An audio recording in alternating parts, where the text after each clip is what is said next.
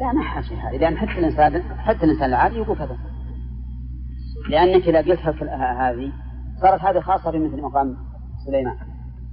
نعم؟ ولا وليس كذلك. حتى الإنسان يوجد ناس يقول مثلا أنا الله سبحانه ما أعطاني هذه إلا لو يبدوني أشكر أم أكفر؟ كفر يعني هل مو كفر مطلق. وإنما كفر. معناه أن الشكر والتوبة والكفر والإيمان. كل هذه تتبعر وتكمل. مطلق شيء وشيء مطلق. لا أقصد هل يعني لا هنا المراد بكفر النعمة. أي كفر نعمة واحدة. أي. يعني نافية. معلوم فيه بس نعم. لكن أي هسل أو أم لا لا لا أصل أي أصل. نعم.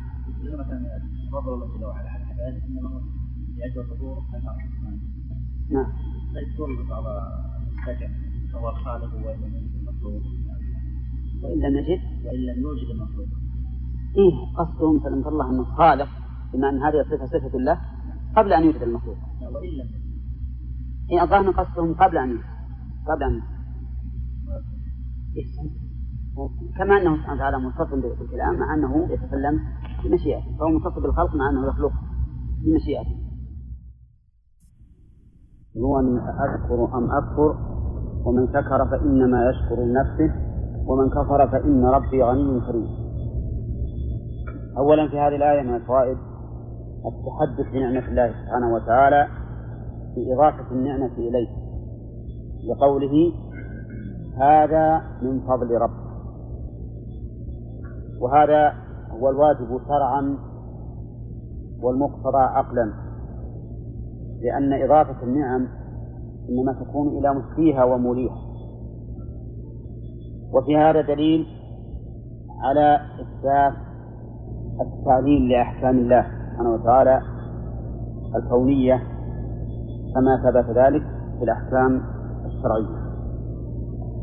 من أين يؤخذ؟ عبد الرحمن. نعم. من من اللام. للتعليل. وفيه دليل على تعليل أفعال الله أحكام الله الكونية كما أن أحكامه الشرعية كذلك معللة. نعم.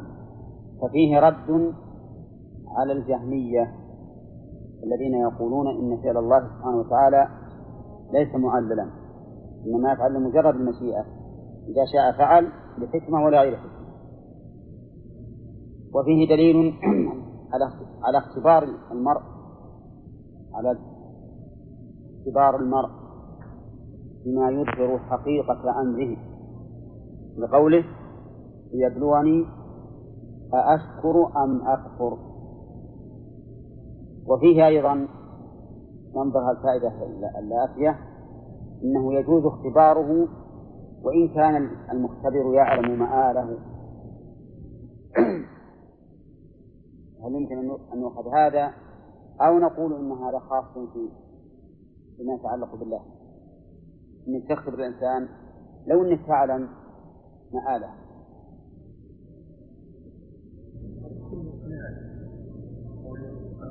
ها؟ وأما بالنسبة لله فهذا أمر واقع. نعم. ف...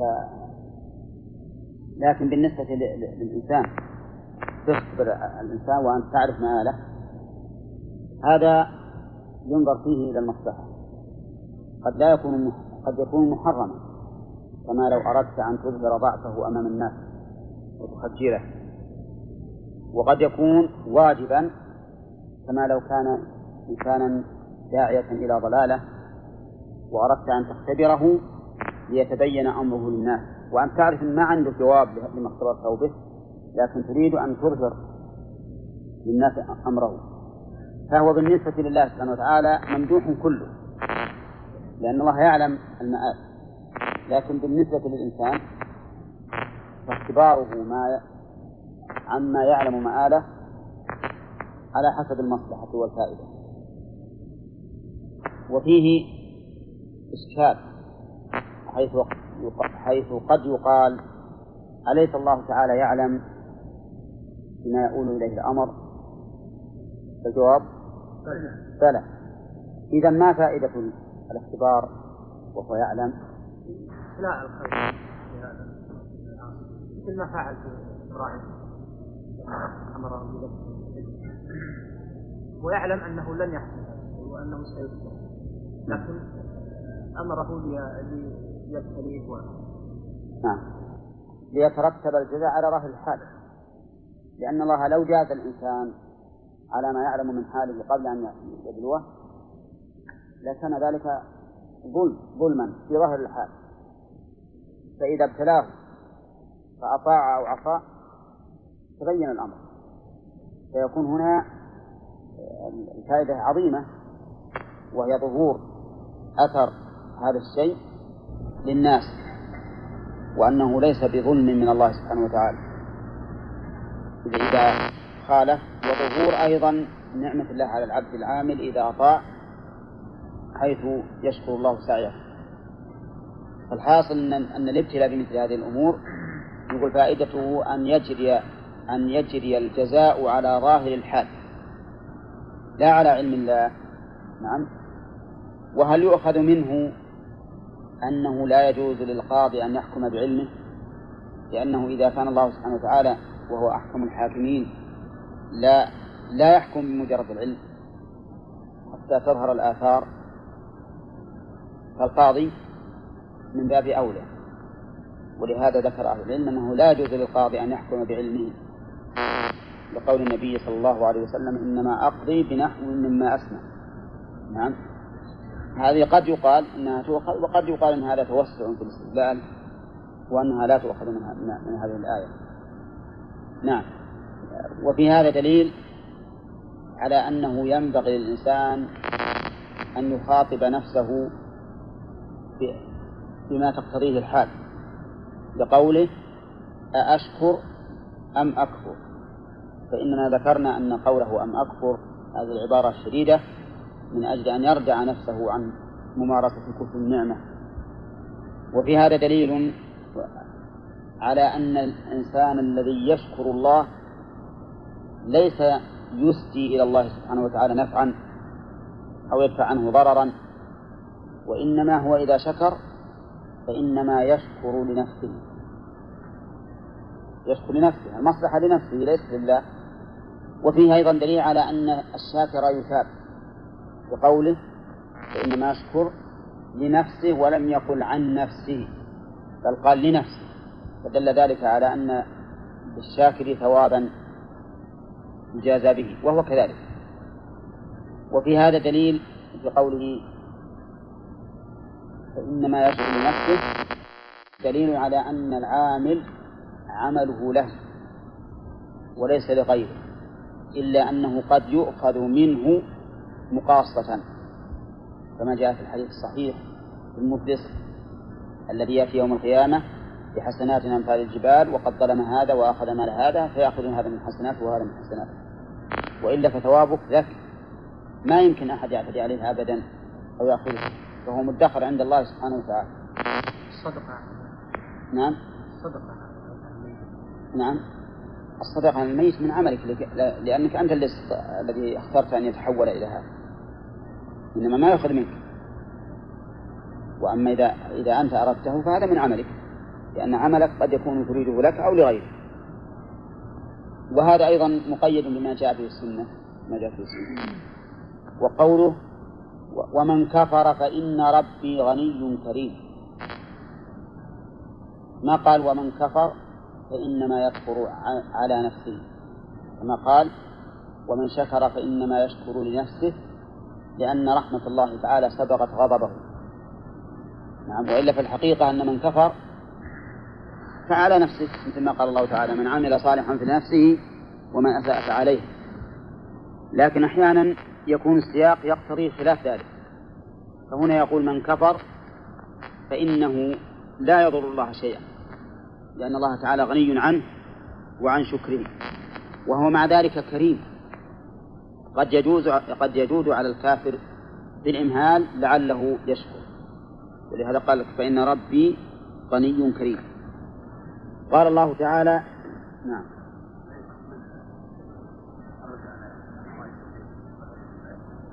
إيه نعم إضافة الفعل إلى العبد. على إيش؟ لا هو على الجبرية واضح لأنه أضاف الشكر إلى نفسه. نعم. إيه يبنى هذا من فعل الله. إيه لكن هو الآن العطاء من فضل الله سبحانه وتعالى. العطاء من فضل الله. ومو يتحدث عن عمله ما قال إن عملي من الله. قال هذا العطاء الذي كتب الله به هو من الله سبحانه وتعالى. على الجبرية نعم اللهم إلا إلا في قوله هذا من فضل ربي مع أن الذي قال أنا أتيت به هو الذي عنده علم من الكتاب. لكن حتى ما, ما يستقيم لأن الذي عنده علم من الكتاب ما جاء به بنفسه. قال نكروا لها عرشها ننظر أتهتدي أم تكون من الذين لا يهتدون. يستفاد من هذا أيضا امتحان الغيب بما يعرف به ذكاؤه وفطنته لقوله نكروا لها عرشها.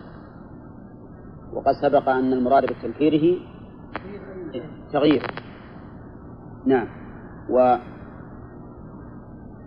والعلة في ذلك قوله ننظر أتهتدي أم تكون من الذين لا يهتدون؟ أتهتدي أتعرف أم تكون من الذين لا يعرفون؟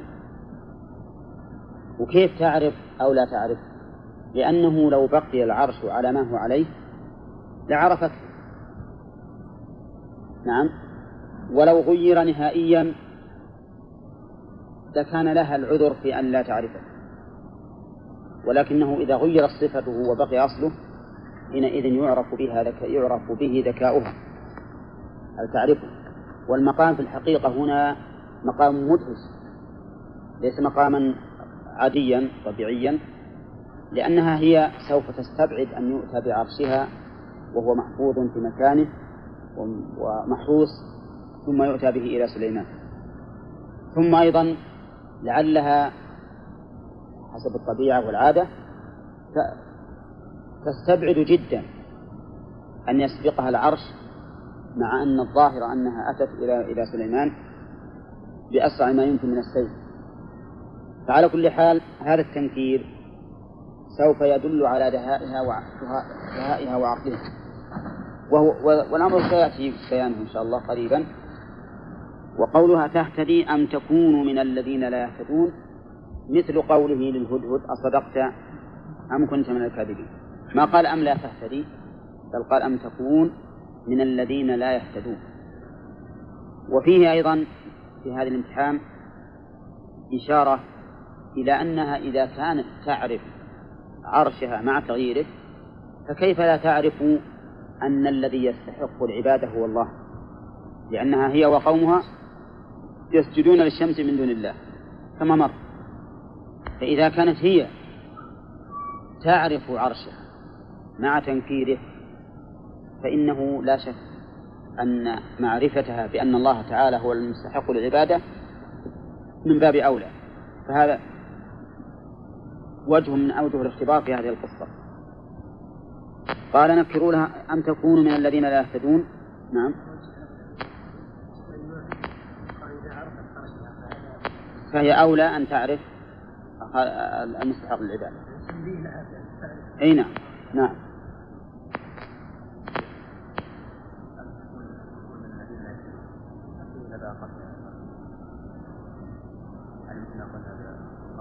لا هنا ما ما في لأن ما في مخاطبة الله لكن بس تغيير العبارة مثل الأول. ولا هو بخاطر يخاطب قومه. خاطر الملأ من قومه. قال الله تعالى فلما جاءت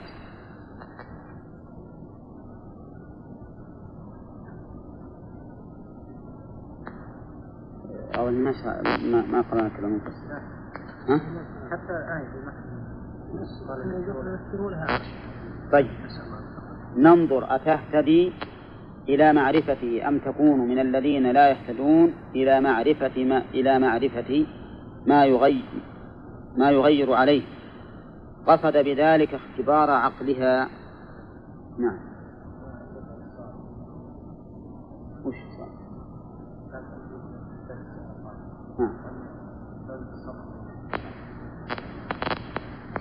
إي نعم. إي نعم فيه للمصلحة. إيه يجوز للمصلحة. لمصلحة الغير لأن هذا لمصلحتها هي. قال وقد يقال إن سليمان عليه الصلاة والسلام تصرف فيه بناء على أنها لم تظهر إسلامها بعد. وأنها إلى الآن وهي في في حرب ما بعد استقر أمرها ها؟ إلى الآن ما علم. إلى الآن ما علم ولا تحقق. وإن كان هو يقول قبل أن يكونوا مسلمين لكن قد يكون مسلمين لله أو مستسلمين له. وعلى كل حال إلى الآن ما بعد ما يحكم عليها حتى الآن إلا بعد أن تظهر إسلامه. قيل له إن فيه شيئا فغيروه بزيادة أو نقص أو غير ذلك. فلما جاءت قيل لها أهكذا عرشك؟ أي أمثل هذا عر... أي أمثل أمثل هذا عرشك؟ قالت كأنه هو. أي فعرفته. فلما جاءت يعني إلى سليمان. ونظرت إلى العرش. قيل لها أهكذا عرشك؟ والقائل إما سليمان أو أحد جنوده. ولم يبين لأن المقصود معنى هذا القول دون قائله وقوله أهكذا عرشك. الاستفهام هنا على حقيقته.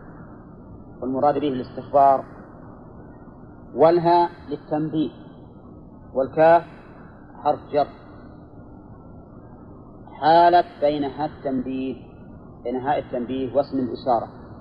مع أن هاء التنبيه تقترن باسم الإشارة لكن الكاف تحول بينها وبين اسم الإشارة لمباشرة حرف الجر للمجرور. أهكذا عرشك. ولكن أيضا هو خاص بالكاف.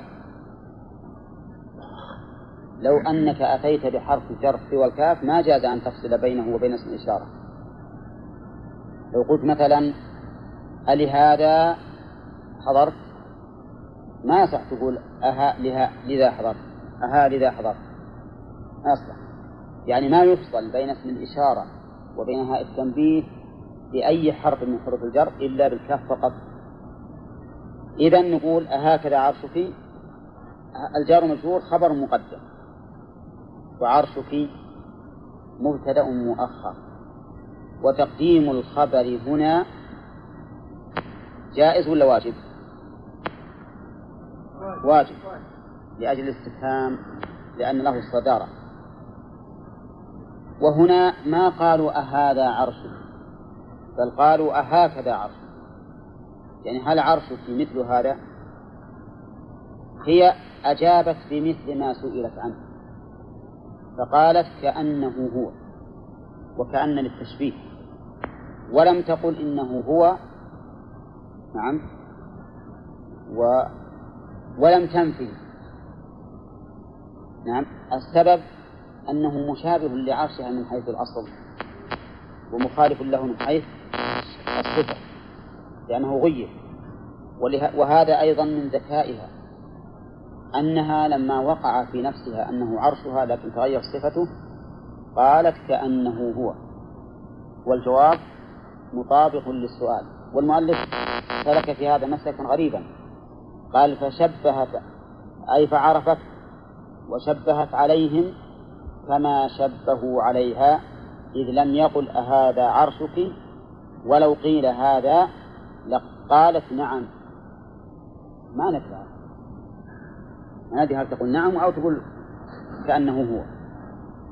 إنما جوابها مطابق للسؤال ومطابق لمقتضى الحال أما مطابقته للسؤال فلأنه قيل لها أهكذا. يعني أهو مثل هذا؟ فكان الجواب كأنه هو. وأما مطابقته لمقتضى الحال فلأن المرأة رأت أن العرش قد غير فلم تجزم بنفيه ولم تجزم بإثباته. إن نظر إلى أصل الكرسي أو العرش فهو هو. وإن نظر إلى صفته فليس إياه. لذلك كان جوابها جيدا جدا وليس فيه تشبيه كما قال المؤلف. أبدا ما في تشبيه ولو قالوا أهذا عرشك؟ ما ندري هل تقول نعم أو تقول كأنه هو. وجزم المؤلف بأنها تقول نعم ليس بصحيح لأن المرأة ذكية جدا. والإنسان إذا حصل له مثل هذه الحال هل يجزم بأن ما شاهده هو ما كان يعرفه من قبل؟ أه ما يجزم. بل إن مقتضى الحزم والتحرز أن يقول وش أن يقول؟ كأنه هو. هذا مقتضى الحزم. لا سيما مع القرائن التي تبعد أن يكون إياه كما في هذه القصة. إنه عرش محوط محروس من مكان بعيد. فيبعد أن يمثل أمامها في هذه في هذا الحال. المهم يا جماعة الآن أننا نأخذ من جوابها هذا نأخذ منه ذكاءه من وجهين. أولا أنها أجابت بجواب مطابق للسؤال. هذا واحد. وثانيا أنها أجابت بجواب مطابق لمقتضى الحال. لمقتضى الحال. إذ لا يمكن إذ الجزم بهذا تسرع. والنفي ونفيه تباطؤ أيضا. باحتمال أن يكون إياه. قالت كأنه هو. كأن للتشبيه كأن للتشبيه ها؟ وراه؟ لا هو يقول شبهت عليهم. يعني لبست عليه ما قال شبهته. ثم قال قال سليمان لما رأى لها معرفة وعلما وأوتينا العلم من قبلها وكنا مسلمين. وجه ارتباط هذه الجملة بما سبق أنه أراد أن يتحدث سليمان بما أنعم الله به عليه من من العلم. العلم يشمل العلم الشرعي ويشمل العلم بقواعد الملك ومثبتاته وما أشبه ذلك. يعني كأنهم أو كأن الملأ من قومه لما رأوا ما رأوا من ذكائها ومعرفتها وتحرزها وتثبتها رأوا أمرا عظيما فأراد سليمان صلى الله عليه وسلم أن يذكرهم بما هو أعظم من ذلك وهو ما آتاهم الله تعالى من العلم السابق والإسلام. وأوتينا العلم من قبلها وكنا مسلمين. ويرى بعض المفسرين أن قوله وأوتينا العلم من قبلها من قول المرأة. يعني كأنه وأوتينا العلم. وأن المسألة متصلة يصير من قبلها أي من قبل هذه القضية. أي أننا عندنا علما من قبل هذه القضية فلا تعجبوا. تعجبوا من علمنا بهذا فإن لنا علما سابقا. ولكن هذا الاحتمال وإن ذكر بعيد. والصواب أن هذا من قول من قول سليمان عليه الصلاة والسلام يتحدث فيه بنعمة الله سبحانه وتعالى على عليه وعلى قومه السابق لمعرفة هذه المرأة. لا بد من قول قول فعل القول. قيل من قول سليمان. وين؟ قيل هكذا. لا محتمل ما ما ما, ما يتعين من قوله وأوتينا لأنه قد يقول أحد جنوده ثم هو يتكلم بعد ذلك بعد ما تحصل المشاهدة هذه يقول وأوتينا من قبل. نعم. إيه يجوز. يجوز إذا إذا دل الإسلام عليه يجوز. قال وصدها عن عبادة الله ما كانت تعبد من دون الله. صدها ما كانت. وصدها ما كانت تعبد من دون الله. إذا ما في قول ما كانت تعبد من دون الله إعرابها أنها فاعل. فاعل يعني صدها الذي كانت تعبد من دون الله. ويحتمل أن تكون ما مصدرية أي أيوة وصدها كونها تعبد من دون الله لكنه وإن كان سائغا لغة لكنه ليس له محل هنا. فما هذه اسم موصول؟ وقول وقول ما كانت تعبد ما هي الذي ما هو الذي تعبد من دون الله؟ الشمس. والعائد على ما الموصولة محذوف. التقدير ما كانت تعبده من دون الله. وصد بمعنى صرف. ومناسبة هذا لما سبق مناسبة لما سبق أنه يقال إذا كانت هذه المرأة بهذا الذكاء نعم وهذه المعرفة فلماذا لا لم تعبد الله؟ لماذا لم تعبد الله؟ مع ظهور أن العبادة لله وحده. بين أن الذي صدها عن عبادة الله أنها اشتغلت من أول أمرها بعبادة غير الله. لأنها كانت من قوم كافرين فنشأت في بيئة كافرة نعم واشتغلت بعبادة المخلوق عن عبادة الخالق. فكأن هذه المرأة مع كونها المرأة ذكية وفاهمة وعندها احتراز وتحفظ كأنها مع ذلك إنما عدلت عن عبادة الله مع ظهورها ووضوحها بسبب انشغالها بالباطل. والنفس لا بد أن تكون مشغولة إما بالحق وإما بالباطل. ولا بد أن تكون كاسبة إما كاسبة حراما أو حلالا. إن أخذت ما لا حق لها فيه فهي كاسبة حراما وإن أخذت ما لها حق فيه فهي كاسبة حلالا فهنا نقول مناسبة قولها قوله وصدها ما كانت تعبد من دون الله أنه كالجواب عن سؤال مقدر وش السؤال المقدر؟ لماذا لم تعبد الله؟ فقال إنه صدها عن عبادة الله ما كانت تعبد من دون الله وكانت من قوم كافرين. فقد نشأت من أول أمرها في بيئة كافرة. وقد أخبر النبي صلى الله عليه وسلم أن كل مولود يولد على الفطرة فأبواه يهودانه أو ينصرانه أو يمجسانه. وصدها ما كانت تعبد من دون الله. وقيل إن صدها الفاعل يعود على سليمان. أنها يعود على سليمان. أي أن سليمان منع ما كانت تعبد من دون الله. أي منعها عما كانت تعبد من دون الله بسبب ما رأت من الملك العظيم الذي لسليمان عليه الصلاة والسلام. ولكن الأول أولى بالسياق. أن فا أن ما كانت تعبد فاعل. نعم. لكن إحنا لا بأس أن نذكر الإحتمال لأنه ربما يكون عند التأمل يظهر أن هذا الاحتمال صحيح. قال الله تعالى إنها كانت من قوم كافرين. يعني بيئتها منذ نشأت وهم كافرون بالله سبحانه وتعالى يعبدون الشمس. فلهذا اشتغلت بعبادة غير الله عن عبادة الله. وسيأتي إن شاء الله ما في هذه الجملة من الفوائد. قيل لها أيضا ادخل الصرح. والقائل كما قلنا مبهم إما سليمان أو غيره.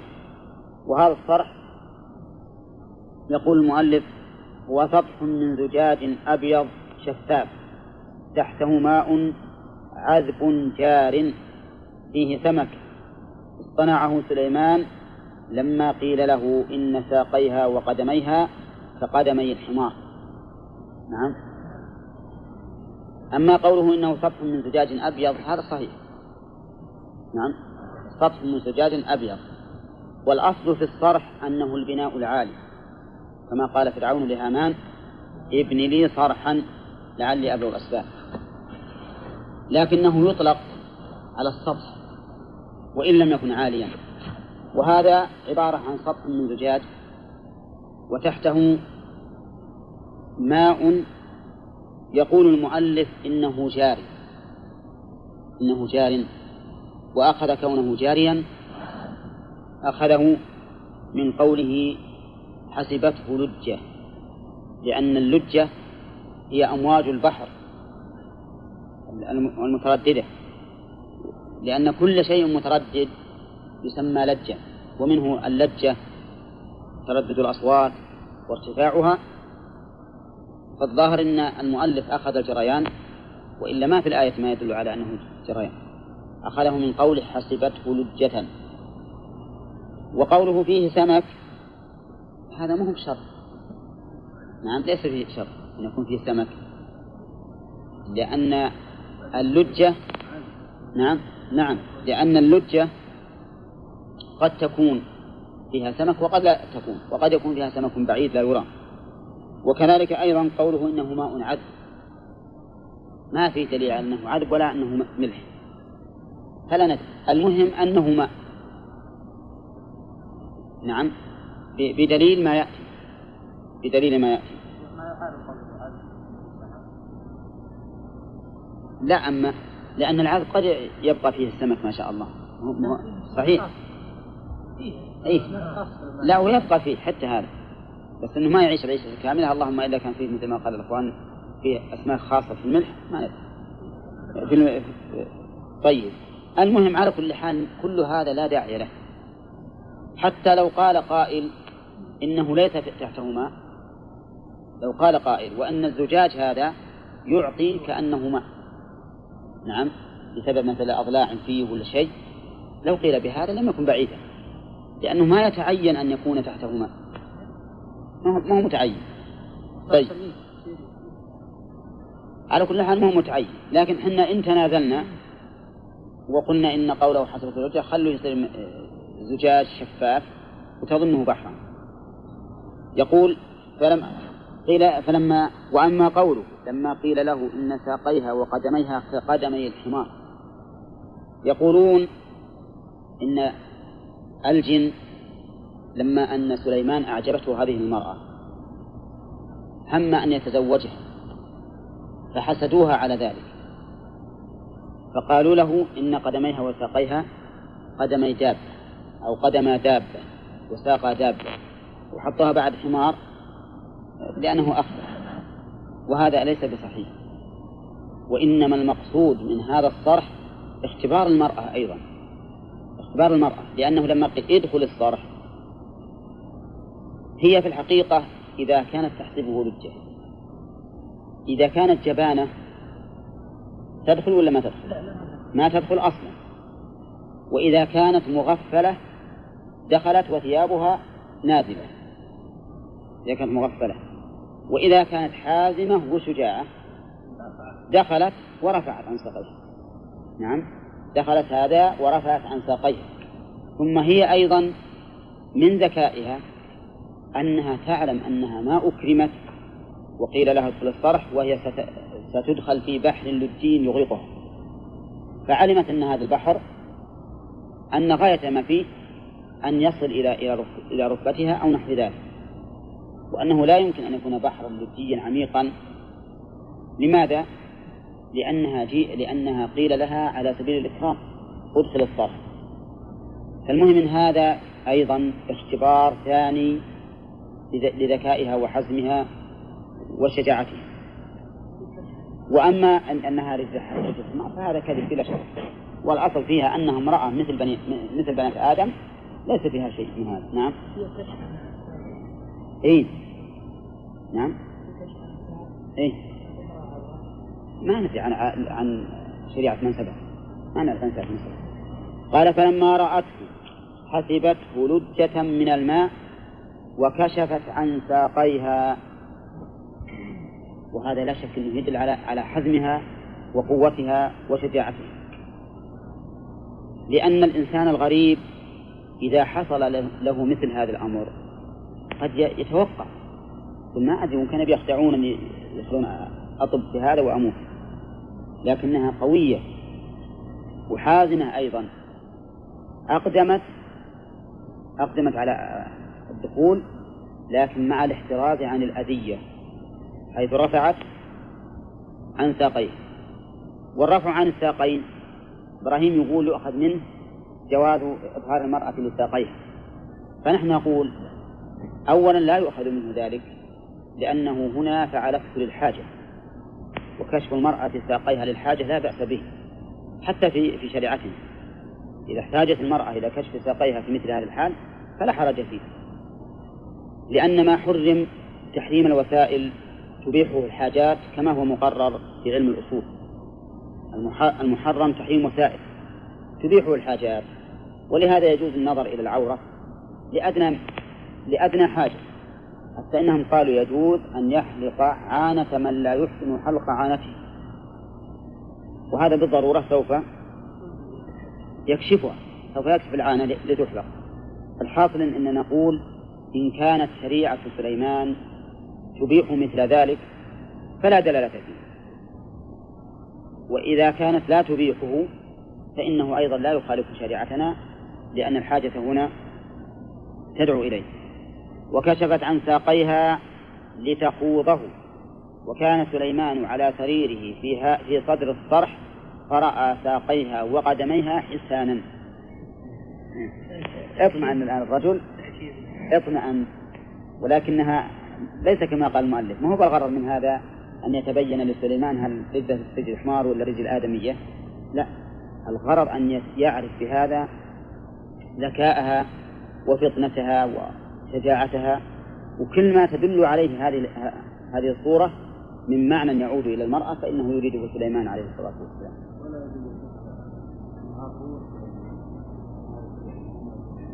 بيجي الحين قال إنه قال لها إنه صرح ممرد مملس من قوارير. أي زجاج. هذه الجملة أيضا تفيد أنه قصد به مع اختبارها وامتحانها إظهار عظمة ملك سليمان. مثل ما قصد بإحضار العرش هذا المقصد. قال إنه صرح ممرد من قوارير. فتبين بذلك أمران. أحدهما عظمة ملك سليمان حيث إن الزجاج يصنع له حتى يكون كالبحر اللجي وثانيا الإشارة إلى أن هذه المرأة وإن كانت ذكية وعاقلة وحازمة فإنها يخفى عليها الأمر ولا لا؟ لأنها حسبت أن هذا الزجاج لجة من الماء مع أنه ليس كذلك ففيه نوع من إظهار ضعفها أيضا. نوع من إظهار ضعفها حيث إنه ظنت الأمر على خلاف ما هو عليه. وفيه وسيأتي إن شاء الله تعالى بعد في هذا من فوائد الآيات. ما ما نعم. نعم. أنه إيش؟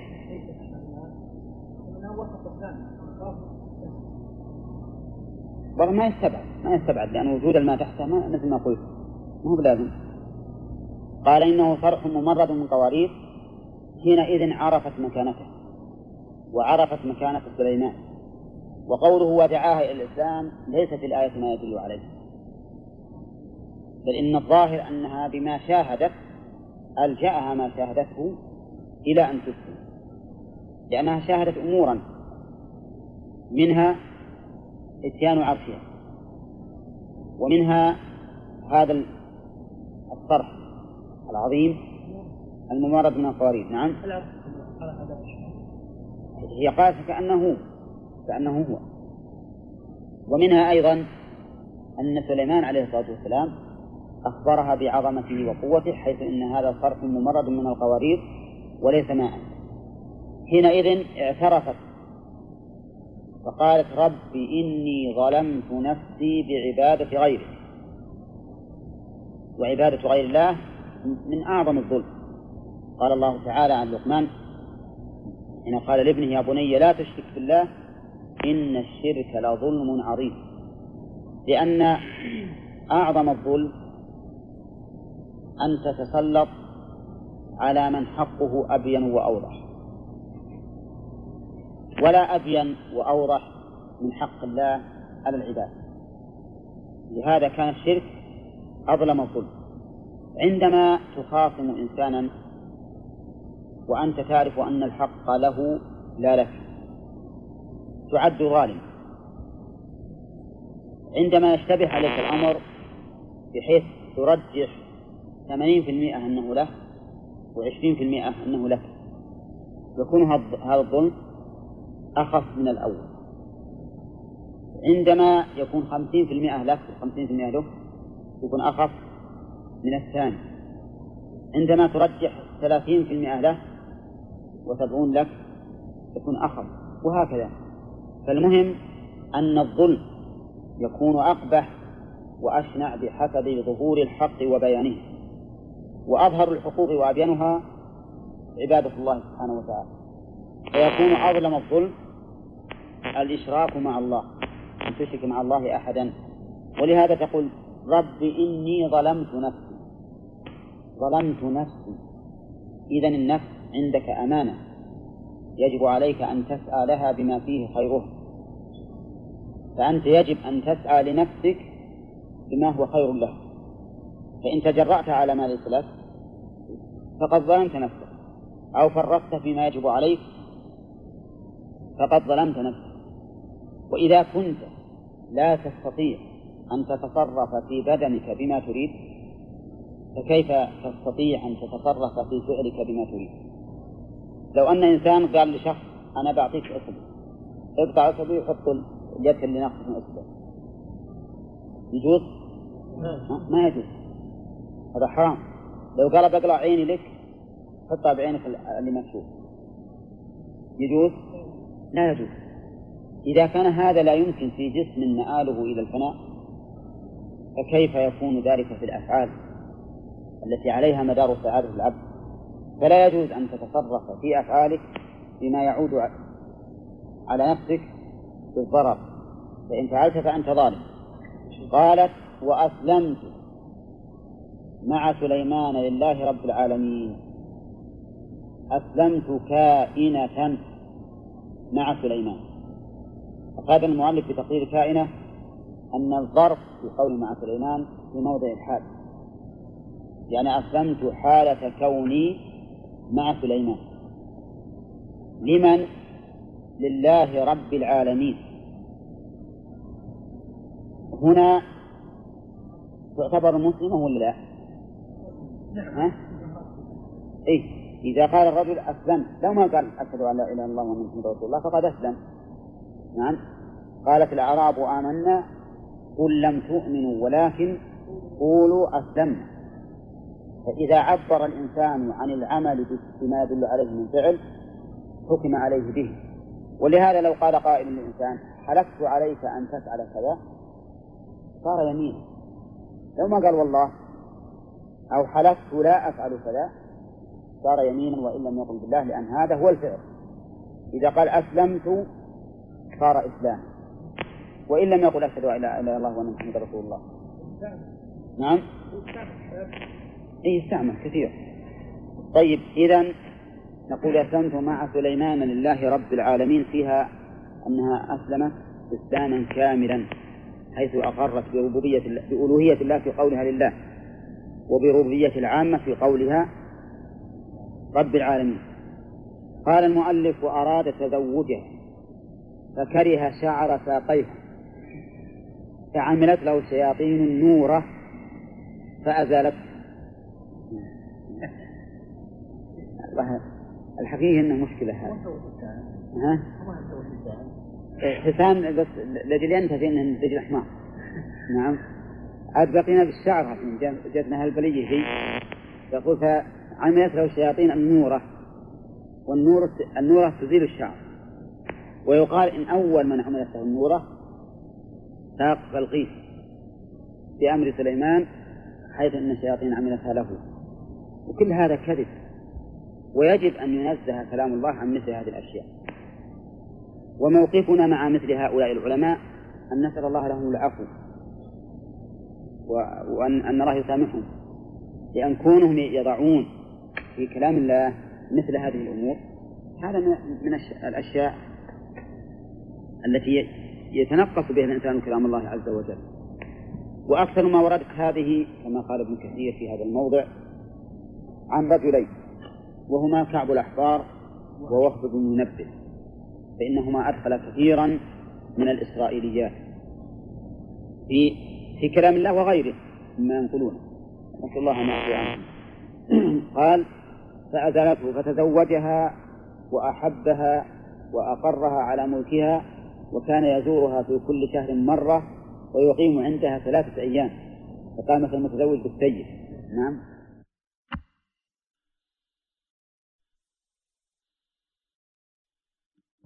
صدها ما كانت. أو فلما جاءت إلى هكذا.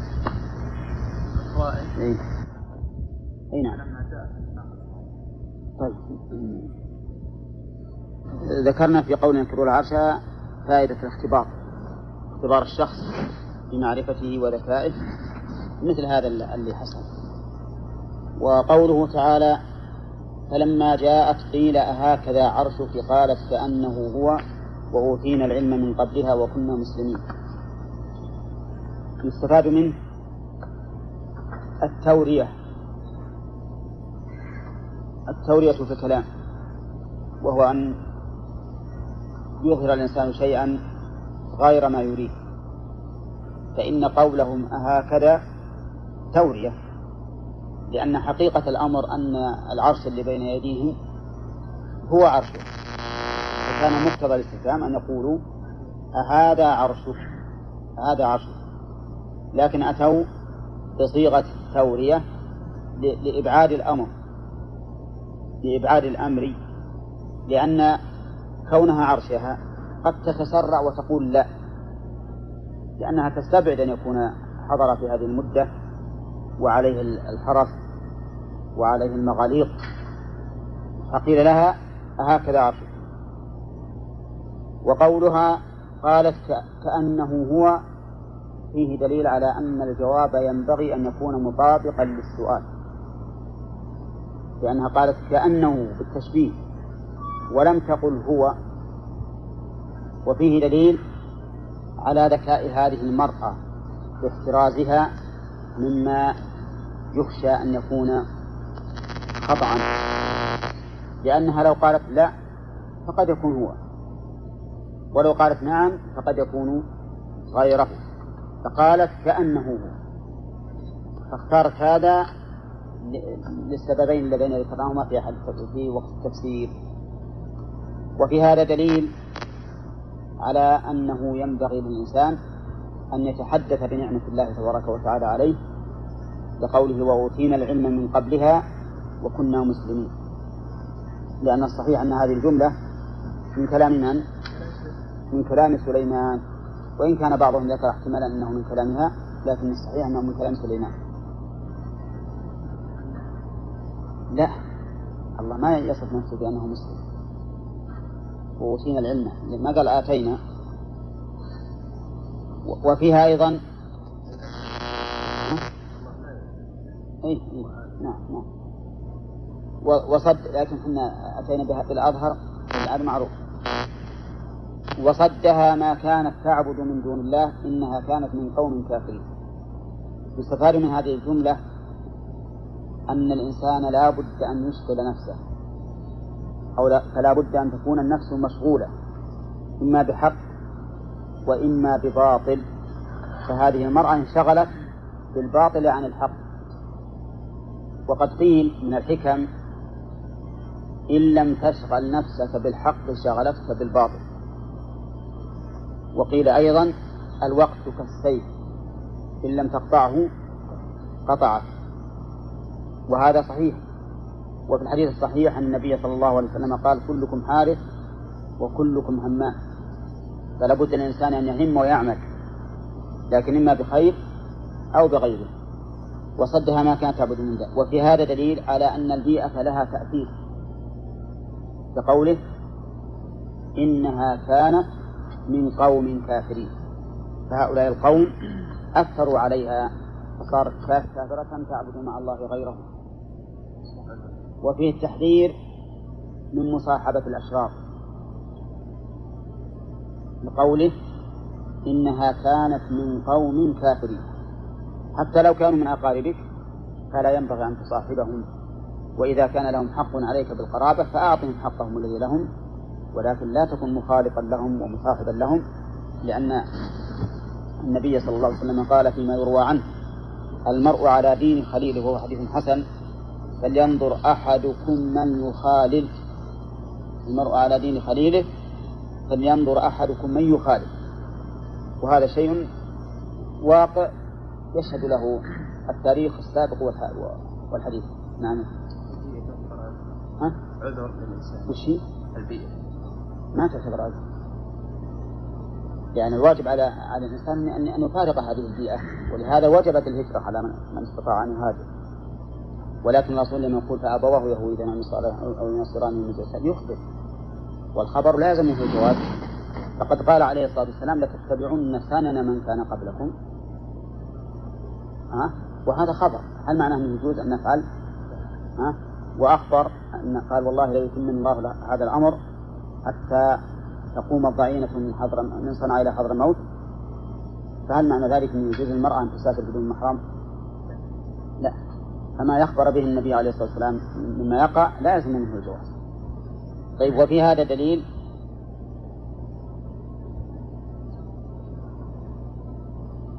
نعم قبل. قيل لها ادخل الصرح فلما رأته حسبته لجة وكشفت عن ساقيها إلى آخره. فيه دليل على عظمة ملك سليمان وتسخير الله له. ففي ذلك الوقت حسب علمنا ليس هناك أفران تسخر الزجاج. ويفعل به الإنسان كما يشاء. نعم؟ ولكن لا لا شك أن الزجاج موجود. قد يكون مستخرجا من البحر تستخرج الشياطين وقد يكون هناك أيضا آه، مصاهر وأفران حسب حالهم. ولهذا قال الله عن الشياطين إنهم يعملون له ما يشاء من محاريب وتماثيل وجفان كالجواب وقدور الراسيات جفان جمع جفنة وهي صحفة. صحفة كالجواب الجواب ما هي؟ جمع جابية وهي البركة. يعني كبيرة. وقدور الراسيات يعني ما ما ما تنقل لكبرها وعظمها فالحاصل أن نقول إن هذا فيه دليل على عظمة ملك سليمان حيث سخر له الجن والإنس يعملون له ما يشاء. وفيه دليل على جواز اختبار المرء كما سبق وهذه القصة فيها عدة اختبارات.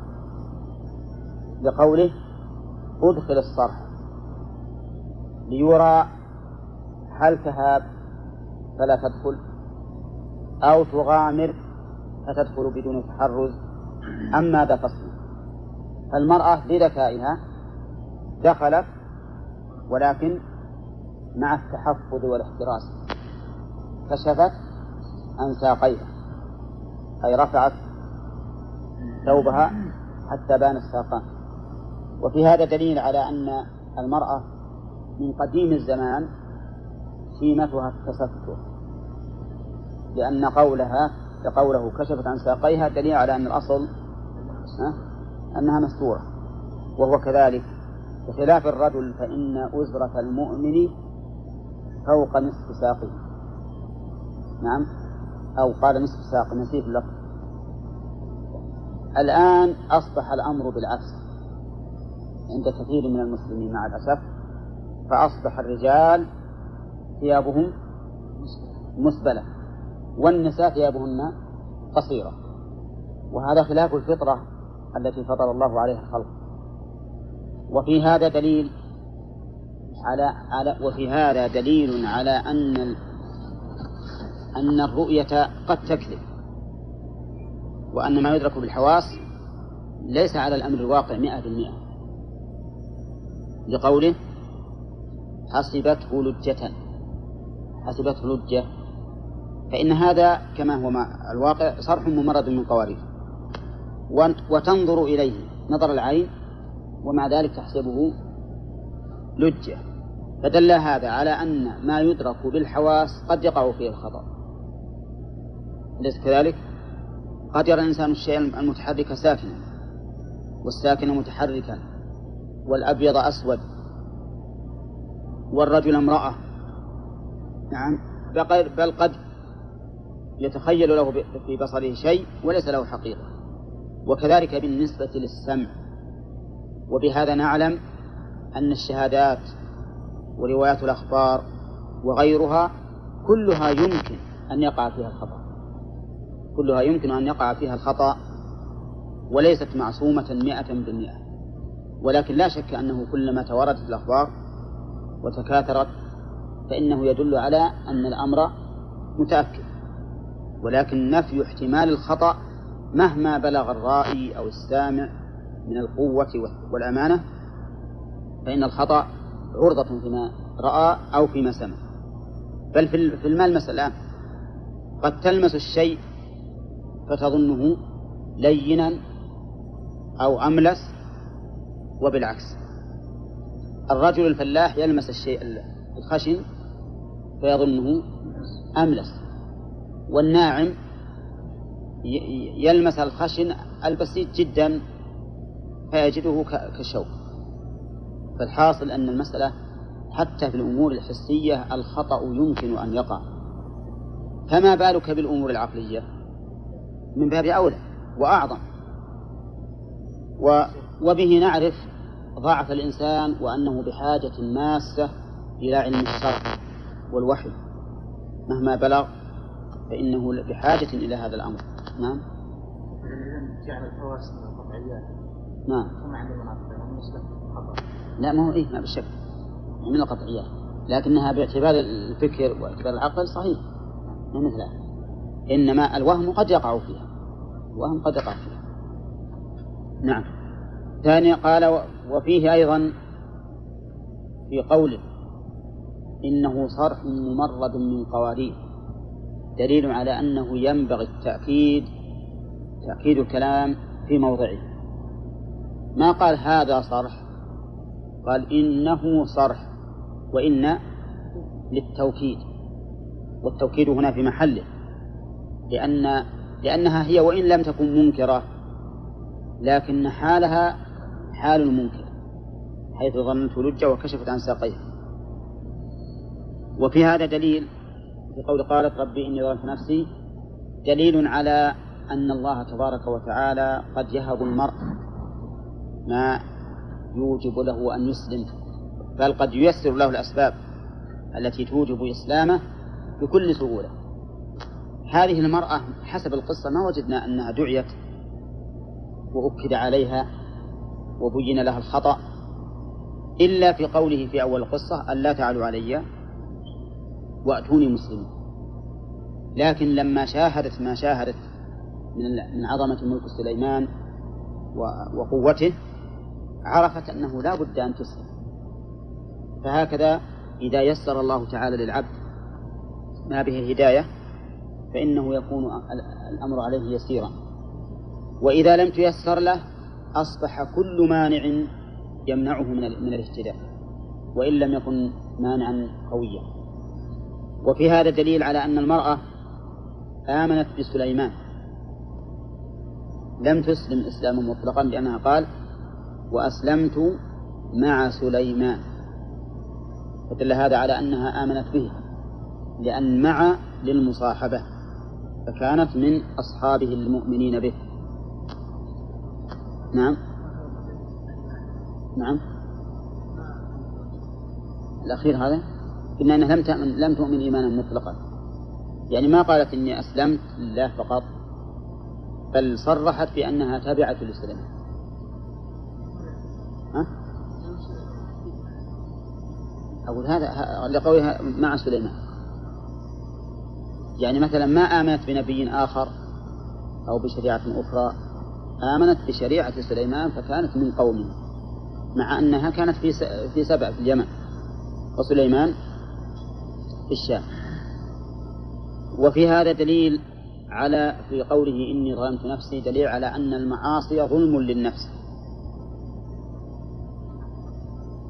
وسبق وجه ذلك وأن الإنسان مؤتمن على نفسه مؤتمن على نفسه من حيث السلوك والسير مؤتمن على نفسه من حيث التصرف في ماله مؤتمن على نفسه من حيث التصرف في بدنه ولهذا نهي عن إضاعة المال نعم ونهي عن قتل النفس ولا تقتلوا أنفسكم ولا تلقوا بأيديكم إلى التهلكة نعم وأمر بالدواء تداووا ولا تداووا بحرام وأمر بالأكل وبالشرب وباللباس وبالوقاية من الحر والوقاية من البرد كل هذا من أجل حفظ النفس التي هي أمانة عندك.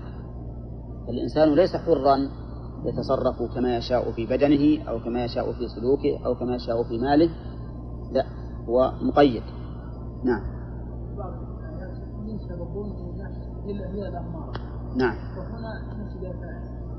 إي نعم لأن الإنسان فيه نفسها وقيل ثلاث أنفس أمارة ومطمئنة ولوامة. والصواب أن اللوامة من صفات الثنتين. ولكن فيه أمارة وهي التي تأمر بالشر وتنهى عن الخير وفيه مطمئنة وهي التي تأمر بالخير. إذا ظلمت نفسي التي يقوله المطمئنة.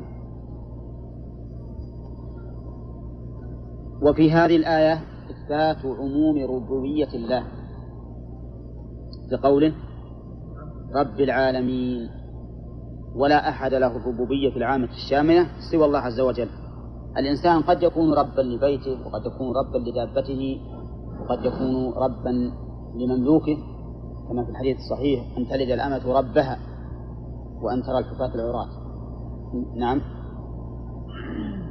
ثم قال الله تعالى وتقدم لنا في التفسير أن ما, أن ما ذكره المؤلف من هذه الإسرائيليات أنه لا يجب التصديق بها بل ما كان منها مخالفا للقرآن أو لا يليق بحال النبي فإنه يجب تكذيبه. وما كان منها لا ليس مخالفا ولا منافا لما لما يليق بالنبي فإنه لا يصدق ولا يكذب. نعم. نعم. ولا ولا ينبغي أن يحكى بالتفسير لأنه إذا حكي بالتفسير معناه أنه صدق حيث جعل تفسيرا لكلام الله. ولقد أرسلنا إلى ثمود أخاهم صالحا. نعم. بالنسبة للقيس كيف أثبت سليمان جنوده هنا وهي تذكر الكتاب الذي قال ألا تعلوا علي وأتوا مسلمين تذكر من هذا الرجل لا بد إما أن تسلم وإما أن يقضي عليه. ولكن ولكنها أسلمت. نعم. والله هذا مشهور ما لكن ما نقطع بها. الظاهر من الأشياء التي لا تصدق ولا تصدق لكنه لا بأس. نعم. باشتهارها ما في نعم. ولقد أرسلنا إلى إلى ثمود أخاهم صالحا. تقدم أن مثل هذا التعبير هذه الجملة فيها ثلاث مؤكدات. القسم واللام. وقد أرسلنا إلى ثمود أخاهم صالحا. أخاهم مفعول أرسلنا. وصالحا عطف بيان له. عطف بيان وليس بدلا لأن كونه عطف بيان أوضح. إذ أنه يبين المبهم في قوله أخاهم. يقول المؤلف إلى ثمود. يقول الله تعالى إلى ثمود. ثمود هذه قبيلة موجودة في مكان يسمى الآن مدائن صالح. ويسمى الحجر ويسمى ديار ثمود. نعم. هذه القبيلة آه، يسر الله تبارك وتعالى لها من من أسباب العمران في السهل والجبل ما برزت به على غيرها. كما قال لهم نبيهم مذكرا لهم تنحتون من الجبال بيوتا فارهين. نعم. ولكن أرسل الله إليهم صالحا. وآتاهم بآية عجيبة وهي ناقة لها شرب وللقوم شرب يعني أن هذه البئر التي تشرب منها الناقة وهي أوسع الآبار وأغزرها ماء أذن لهم بأن يدعوا أن يشربوا منها يوما وأمروا بأن يدعوها يوما للناقة تشرب منها وتذهب في اليوم الثاني للرعي. وفي اليوم الذي تشرب منه قيل إنهم يأتون إليها ومن سقاها دلوا أعطته دلوا من اللبن. هذا من الأمور الإسرائيلية اللي ما تصدق ولا تكذب. لكنهم مع هذه النعمة العظيمة في هذه الناقة كفروها والعياذ بالله. فنادوا صاحبهم فتعاطى فعقر. وعقر هذه الناقة وكفروا بهذه النعمة العظيمة. يقول أخاهم صالحا أخاهم من القبيلة. ليش قال من القبيلة؟ احترازا من الدين لأنه ليس أخا لهم إلا نفرا يسيرا آمنوا معه صالحا أن اعبدوا الله أي بأن اعبدوا الله. أفادنا المؤلف أن أن هنا مصدرية. ولكن يجوز فيها وجه آخر أن تكون تفسيرية لأن أرسلنا يتضمن أوحينا والوحي فيه معنى القول دون حروفه وهذا هو دلالة أن التفسيرية أن يسبقها فعل فيه معنى القول دون حروفه. إذا قلنا إنها تفسيرية ما صح أن نقدر الباء. أي بأن. بل نقدر أن بمعنى أي أي اعبدوا الله. يعني أوحينا إليه أي اعبدوا الله. اعبدوا الله قال وحدوه. وهذا مأخوذ من تفسير ابن عباس فيما أظن بقوله تعالى وما خلقت الجن والإنس إلا ليعبدون. قال ليوحدون فجعل العبادة هي التوحيد. ولكن الصحيح أن العبادة التذلل لله سبحانه وتعالى بالطاعة لأن هذه المادة العين والباء والدال تدل على الذل ومنه قولهم طريق معبد أي مذلل لسالكيه فعبادة الله معناه الذل له بالطاعة ومنه بل من أعظم ذلك توحيده توحيده. فالصواب أن المراد بالعبادة التذلل لله سبحانه وتعالى بالطاعة. أنا أعبد الله نعم. إيه هو الغالب أن التذلل يكون على هذا. التعظيم بلا شك. والمحبة نعم. قال فإذا هم ألف حرف عطف. وإذا فجائية يعني فما فما الذي حصل بعد إرساله؟ إذا هم المفاجأة بالتفرق. فإذا هم فريقان يختصمون في الدين فريق مؤمنون من حين إرساله إليهم وفريق كافرون. ها؟ من حين. إيه من أحسن لأنها إذا فجائية. انقسم قومه إلى قسمين. قسم آمنوا به وقسم آخر كفروا به. من الذين آمنوا به؟ المستضعفون. كما قال الله تعالى في سورة الأعراف. نعم. قال الذين استكبروا من قومه الذين استضعفوا منهم لمن آمن. الذين استضعفوا لمن آمن منهم.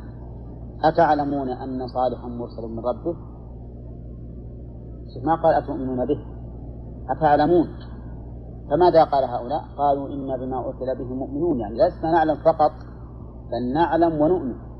إن بما قال الذين استكبروا إنا بالذي آمنتم به كافرون. ما قالوا إنا به كافرون؟ بالذي آمنتم به لإظهار المضادة لهم والمعاندة. يعني ما دام أنتم آمنتم به وأنتم ضعفاء فإن ضدكم على طول. إنا بالذي آمنتم به كافرون. وهذا أبلغ ما يكون والعياذ بالله من المضادة والمحادة. والاستكبار أيضا. كأنهم يقولون أنتم اللي تؤمنون به هذا نكفر به. نعم. طيب هؤلاء الفريق آمنوا وفريق كفروا. فإذا هم فريقان يختصمون يعني يجري بينهم خصام. وهذا الخصام الذي جرى بين قوم صالح جرى أيضا في قوم الرسول صلى الله عليه وسلم. وكل الناس قومه. ولا بد وكذلك جعلنا لكل نبي عدوا من المجرمين لا بد من هذا. ولا يمكن أن يتمحص الحق إلا بظهور العدو. لأن العدو يورد يورد والوحي يجيب حتى يتمحص الحق بينا ظاهرا. حتى في الأمور الواقعية حتى في الانتصار وفي الخذلان يحصل هذا أيضا. الله تبارك وتعالى ذكر من فوائد من فوائد الخذلان في أحد وليمحص الله الذين آمنوا ويمحق الكافرين. فلا بد فلا يتبين الحق تماما إلا بظهور عدو له يناقضه ويعاديه حتى يظهر الحق على الباطل. فإذا هم فريقان يختصمون قال للمكذبين يا قوم لم تستعجلون بالسيئة قبل الحسنة؟ أي بالعذاب قبل الرحمة حيث قلتم إن كان ما أتيتنا به حقا فأتنا بالعذاب. لم تستعجلون؟ الاستفهام هنا للإنكار والتوبيخ والتعجب يعني أنه يوبخهم وينكر عليهم هذا الأمر ويتعجب من حالهم لأن حال العاقل أن يستعجل بالحسنة قبل السيئة. لا أن يستعجل بالسيئة قبل الحسنة لكن السفيه والعياذ بالله سفيه مثل ما قالت قريش اللهم إن كان هذا هو الحق من عندك فأمطر علينا حجارة من السماء أو ائتنا بعذاب أليم. ما قالوا إن كان هذا هو الحق فاهدنا إليه. أمطر علينا حجارة وهذا نسأل الله العافية في غاية ما يقوم الاستكبار والاستهتار هؤلاء يستعجلون بالحسنة بالسيئات قبل الحسنة. ويقولون ائتنا بعذاب الله إن كنت من الصادقين.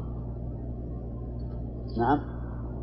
وهذا التحدي من أعداء الرسل للرسل يدل على تماديهم في العناد وأنهم غير مؤمنين. ولكن ذلك لا, لا هذا الأمر لا يجابون إليه. وإن كان في ذلك نص للرسول لكنهم لا يجابون إلى ذلك لأنه إذا أجيبوا إليه صار معناه أنهم يجابون على اقتراحاتهم. مثل ما قالوا لما قيل لهم عن البعث قالوا ائتوا بآبائنا إن كنتم صادقين. فيقال لهم ما الرسل؟ ما قالوا لكم إنكم تبعثون الآن. تبعثون متى؟ يوم القيامة. لو قالوا تبعثون الآن سنقول نعم جيبوا آبائنا. لكن هم قالوا تبعثون يوم القيامة وانتظروا يوم القيامة وستجدون آباءكم نقول يقول الله عز وجل حكاية عن صالح لولا تستغفرون الله من الشرك. لولا بمعنى هلا. وهذا من معانيها. من معاني لولا أن تكون للتحضير ولها معاني أخرى أيضا. وش أي ويقال فيها حرف امتناع لوجود. لولا دفع الله الناس بعضهم ببعض لهدم الصوامع. وش اللي امتنع؟ تهديم الصوامع لدفع الله سبحانه وتعالى الناس بعضهم ببعض. ما الذي يعين هذا المعنى من هذا المعنى؟ يعينه السياق. وبهذا وبكثير من أمثاله يتبين أن الكلمات ليس لها معنى ذاتي. ليس لها معنى ذاتي بمعنى أنها خلقت له وإنما هي قوالب وثياب للمعنى الذي يدل عليه السياق. فأي ثوب تركبه لمعنى يدل على السياق فهو هو. وبهذا التقرير أيضا يتبين أن ما ذهب إليه شيخ الإسلام ابن تيمية رحمه الله من أنه لا مجاز في اللغة العربية أنه أمر صحيح. وأن كل كلمة استعملت في, في مقامها فهي حقيقة فيه حقيقة فيه. وكون مثلا ما تعرف في هذا اللفظ إلا لذاك المعنى الذي لم تستعمل فيه ما يدل على أن ذاك هو معناها الذاتي. لأننا نقول ليس للكلمات معنى ذاتي. هنا. الله أعلم قلنا للإخوان أننا ندش حاليا الوقت بناء على أن الجامعة تحدثنا في كتابة التفسير في الثانوي. واسترخصنا منهم إنه إن, إن نجدع ثلث الوقت. بدل ما يكون الحصة عندنا ساعة إلا ربع تكون نصف ساعة. ها؟ والدراسة على من هذا ها؟ أو لازم الحد بعضها إيه هذا من حد بعضهن أو أو سرته يوم ورا يوم لا لا لا. أبدأ بنفس البداية. ها؟ أبدأ بنفس البداية. إيه نفس البداية. من سبع ونص إلى اثنان بالنسبة للمدرس. بالنسبة للطلبة من سبع ونص. نعم.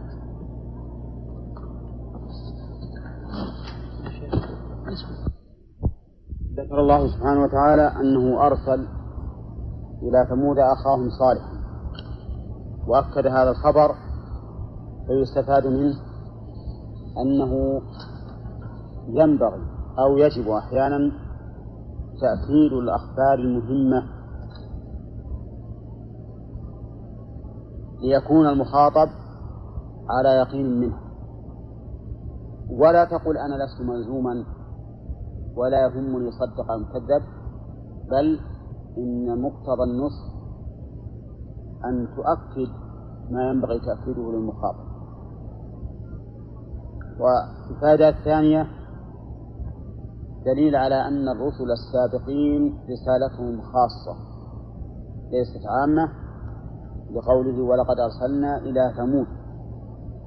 ما قال إلى الناس جميعا؟ إلى ثمود.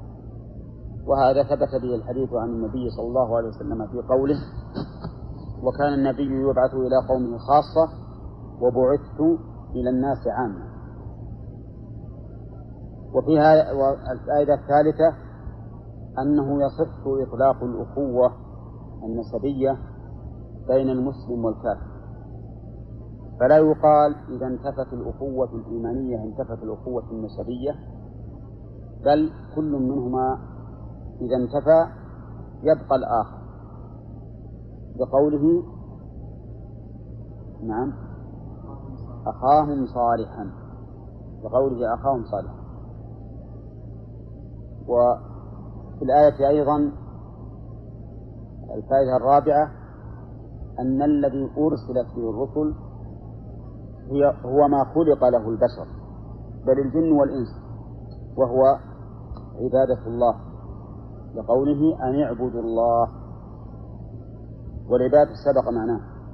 الفائدة الخامسة أي هي عبادة الله. أن الذي أرسل به الرسل هو ما خلق له الخلق وهو عبادة الله.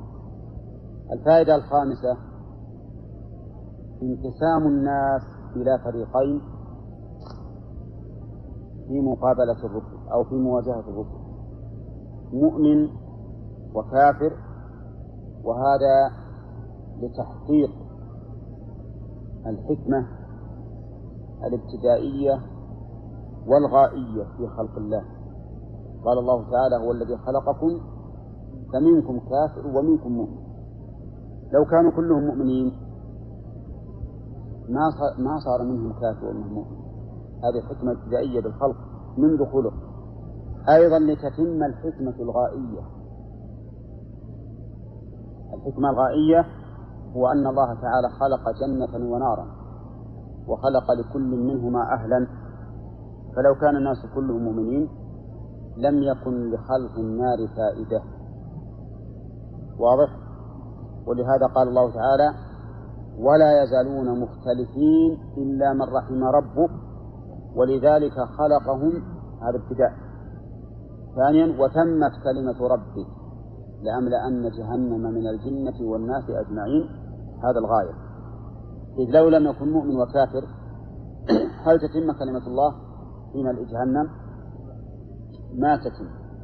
إذا فالفائدة الخامسة انقسام الناس في مجابهة الرسل إلى قسمين مؤمن وكافر والحكمة من ذلك هو تمام حكمة الله تبارك وتعالى ابتداء وغاية. ابتداء حيث خلق الناس منهم مؤمن ومنهم كافر. وغاية عليكم هذا. نعم. نعم. ولولا ذلك لم يكن لخلق النار فائدة. ولما تمت كلمة الله لأملأن جهنم من الجنة والناس أجمعين.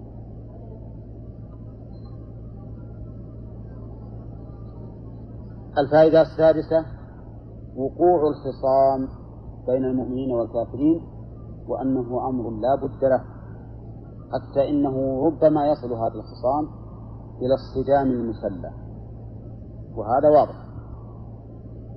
فإذا هم فريقان يختصمون. وقال تعالى في هذه الأمة هذان خصمان اختصموا في ربهم. الخصام لا بد منه. مع آباء الرسل وأولياء الرسل وربما يصل ذلك إلى الصدام المسلح والقتال. وهذا أمر مشاهد. نستفيد من هذه الفائدة السادسة. فائدة السابعة وهو أن كل متصد للدعوة إلى الله فلا بد أن يجد خصوما. كل متصد للدعوة إلى الله لا بد أن يجد خصوما.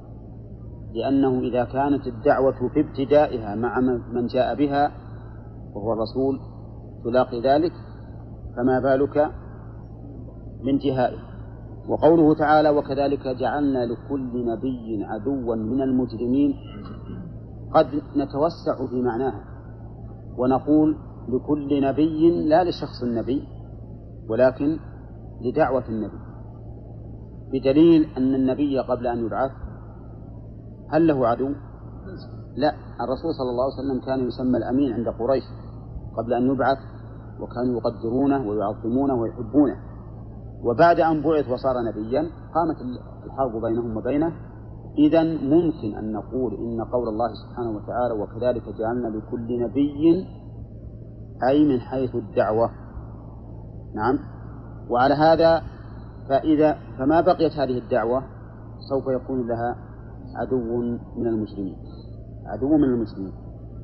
ويستفاد ناخذ أيضا من الفائدة التي استشهدنا بها. أعظم مؤيد للداعي إلى الله. نأخذ منها أعظم تأييد للداعي إلى الله حيث وصف الله خصومه بإيش؟ بالإجرام. حيث وصف الله خصومه بالإجرام. إذا ما دام الداعي معتقدا وواثقا من نفسه أنه على بصيرة فليبشر بالتأييد ولو بالعاقبة. نعم. لأن خصومه وصفهم الله تعالى بالإجرام. والله تبارك وتعالى لا يصلح عمل المسلمين. طيب. يستفى ثم قال قال يا قوم لم تستعجلون بالسيئة قبل الحسنة لولا تستغفرون الله لعلكم ترحمون. يستفاد من هذه الآية الإنكار. على من استعجل بالسيئة قبل الحسنة. ولا لا؟ والاستعجال على نوعين. أحدهما استعجال بالقول بأن يقولوا ائتنا بما تعدنا إن كنت من الصادقين. اللهم إن كان هذا هو الحق من عندك فأمطر علينا حجارة من السماء. واستعجال بالفعل والحال بأن يسلكوا مسلكا يكون به العذاب وذلك بالمعاصي. فإن المعصية استعجال بالعذاب بلا شك. الذين يعصون الله سبحانه وتعالى معناه أنهم استعجلوا عذابهم حيث إنه سبحانه وتعالى أخبر بأن المعاصي سبب للعقوبة والعذاب. فإذا صار الإنسان يمارس هذه المعاصي فإنه يقول بلسان حاله أين العذاب؟ نعم. وعلى هذا فإذا رأيت الأمة على معصية الله وإن لم تقل أين عذاب الله وأين ما وعدتم به فإنها في الحقيقة تستعجل عذاب الله سبحانه وتعالى. واضح؟ إذا يؤخذ منه الإنكار على من استعجل عذاب الله. والاستعجال يكون بالقول وبالفعل اللي هو الحال يعني بقال الإنسان وحاله. أما القول فأن يقول أين عذاب الله؟ ائتنا بعذاب الله وما أشبه ذلك. وأما الحال فإن المعصية استعجال بالعذاب لأن لأن الله تعالى رتب العذاب عليها ففاعلها يقول هات لأن فاعل السبب إيش يريد؟ يريد وقوع المسبب نعم. طيب وقوله وفي هذا يستفاد منه هذا تاسع أظن يستفاد من ذلك نصح الرسل لأممهم. لأن إنكار صالح على قومه ماذا يريد منهم؟ يريد منهم أن يستقيموا على أمر الله ولهذا قال لولا تستغفرون الله. لولا تستغفرون الله. وفي هذا دليل على أن الاستغفار سبب لرفع العقوبة. أولى لقوله لولا تستغفرون الله. لولا تستغفرون الله. وهو كذلك. فإن الاستغفار سبب لرفع العقوبة. نعم. وفيه دليل على أن الاستغفار سبب لجلب الرحمة. وهو أمر فوق دفع العقوبة. نعم. لقوله لعلكم ترحمون. وقد قال نوح لقومه استغفروا ربكم إنه كان غفارا يرسل السماء عليكم مدرارا ويمددكم بأموال وبنين ويجعل لكم جنات ويجعل لكم أنهارا. وهذا آه، رحمة. هذه رحمة من الله عز وجل. نتيجة الاستغفار. إذا فالاستغفار سبب لاندفاع النقم وجلب النعم. وجلب النعم. وما هو الاستغفار يا خالد؟ ها؟ إيه؟ لا. استغفار محفوظ من لا وش معناه؟ معناه؟ إيه؟ طلب إيش؟ معناه طلب معناه ستر الذنب مع التجاوز لكن وش طلب؟ نعم. طلب المغفرة. طلب المغفرة. إيش؟ هل يعني أخطأ يو- خالد بقوله طلب التوبة. طلب المغفرة. والمغفرة ستر الذنب. مع التجاوز مع التجاوز عنه وطبعا تستلزم طالب المغفرة يستلزم طلبه المغفرة إذا كان حقيقة أن يقلع عن الذنب لأنه كيف يقول أستغفر الله من الربا وهو يقع في الربا؟ ما يصلح هذا. فطالب الشيء لا بد أن يسعى بأسبابه. إذا قلت اللهم ارزقني ولدا صالحا قلت الله ما أنا متزوج إن شاء الله مقدر لي ولدا صالح بيجي. يصلح؟ تستغفر الله وأنت لم تفعل أسباب المغفرة ما ينفع. فلا بد من فعل أسباب المغفرة بالإقلاع عن المعصية ثم طلب أن يغفر الله لك. طيب. وإذا كان الاستغفار سببا لجلب الرحمة فإنه من أسباب الفتح على المرء. فتح العلم. إن الله يفتح عليه علما لم يكن يعلمه من قبل. نعم. يقول الله عز وجل إنا أنزلنا إليك الكتاب بالحق لتحكم بين الناس بما الله ولا تكن للخائنين خصيما واستغفر الله. إن الله كان غفورا رحيما وكان بعض أهل العلم إذا سئل عن مسألة قدم بين يدي إجابته الاستغفار. فقال أستغفر الله أستغفر الله آه، حتى يفتح له وهذا ظاهر لأن المغفرة تحول بين المرء وبين العلم وبين المرء وبين الفهم. الذنوب الذنوب. فإذا غفرت زال هذا الحجاب. قال الله تعالى فبما نقضهم ميثاقهم لعناهم وجعلنا قلوبهم قاسية يحرفون الكلمة عن مواضعه ونسوا حظا مما ذكروا به. الأول باختيارهم وهو التحريف والثاني بغير اختيارهم وهو النسيان. فالمعاصي سبب للحرمان من العلم والفهم والاستغفار رفع للمعاصي وآثارها فيقتضي العلم والفهم. ومناسبة من الآية التي سقناها في آية النساء واضحة. إنا أنزلنا إليك الكتاب بالحق لتحكم بين الناس. بما أراك الله ولا تكن الخائن خصيما واستغفر الله. إن الله كان غفورا رحيما فتعقيب الاستغفار أو تعقيب الحكم بين الناس في الاستغفار دليل على أنه من أدوات الحكم بالحق الاستغفار. وكان رسول الله صلى الله عليه وسلم يكثر الاستغفار. حتى إنه لا يستغفر الله ويتوب إليه في اليوم أكثر من سبعين مرة. ويحفظ له في المجلس الواحد أكثر من مئة مرة. أستغفر الله وأتوب إليه. لأنه عليه الصلاة والسلام قد غفر الله له ما تقدم من ذنبه وما تأخر فكانت أسباب المغفرة في حقه أكثر من غيره. ومن أسباب المغفرة أن يستغفر بلسانه. من أسباب المغفرة أن يستغفر بلسانه وهو عليه الصلاة والسلام يعلم أن الأشياء بأسبابها. علم أن الله غفر له ما تقدم من ذنبه وما تأخر فجعل يكثر من أسباب المغفرة في هذه بالتوبة بالاستغفار بلسانه وكذلك أيضا بفعل أسباب المغفرة بأفعاله وهكذا ينبغي للإنسان إذا من الله عليه بشيء أن يحقق ذلك الشيء بفعل الأسباب ولا يفتكر نعم. لولا تستغفرون الله وفي هذا في الآية الآية من الفوائد أيضا إثبات الحكمة لله عز وجل بقوله لعلكم ترحمون. فالرحمة لها سبب وكون الله تبارك وتعالى يقرن أفعاله بأسبابها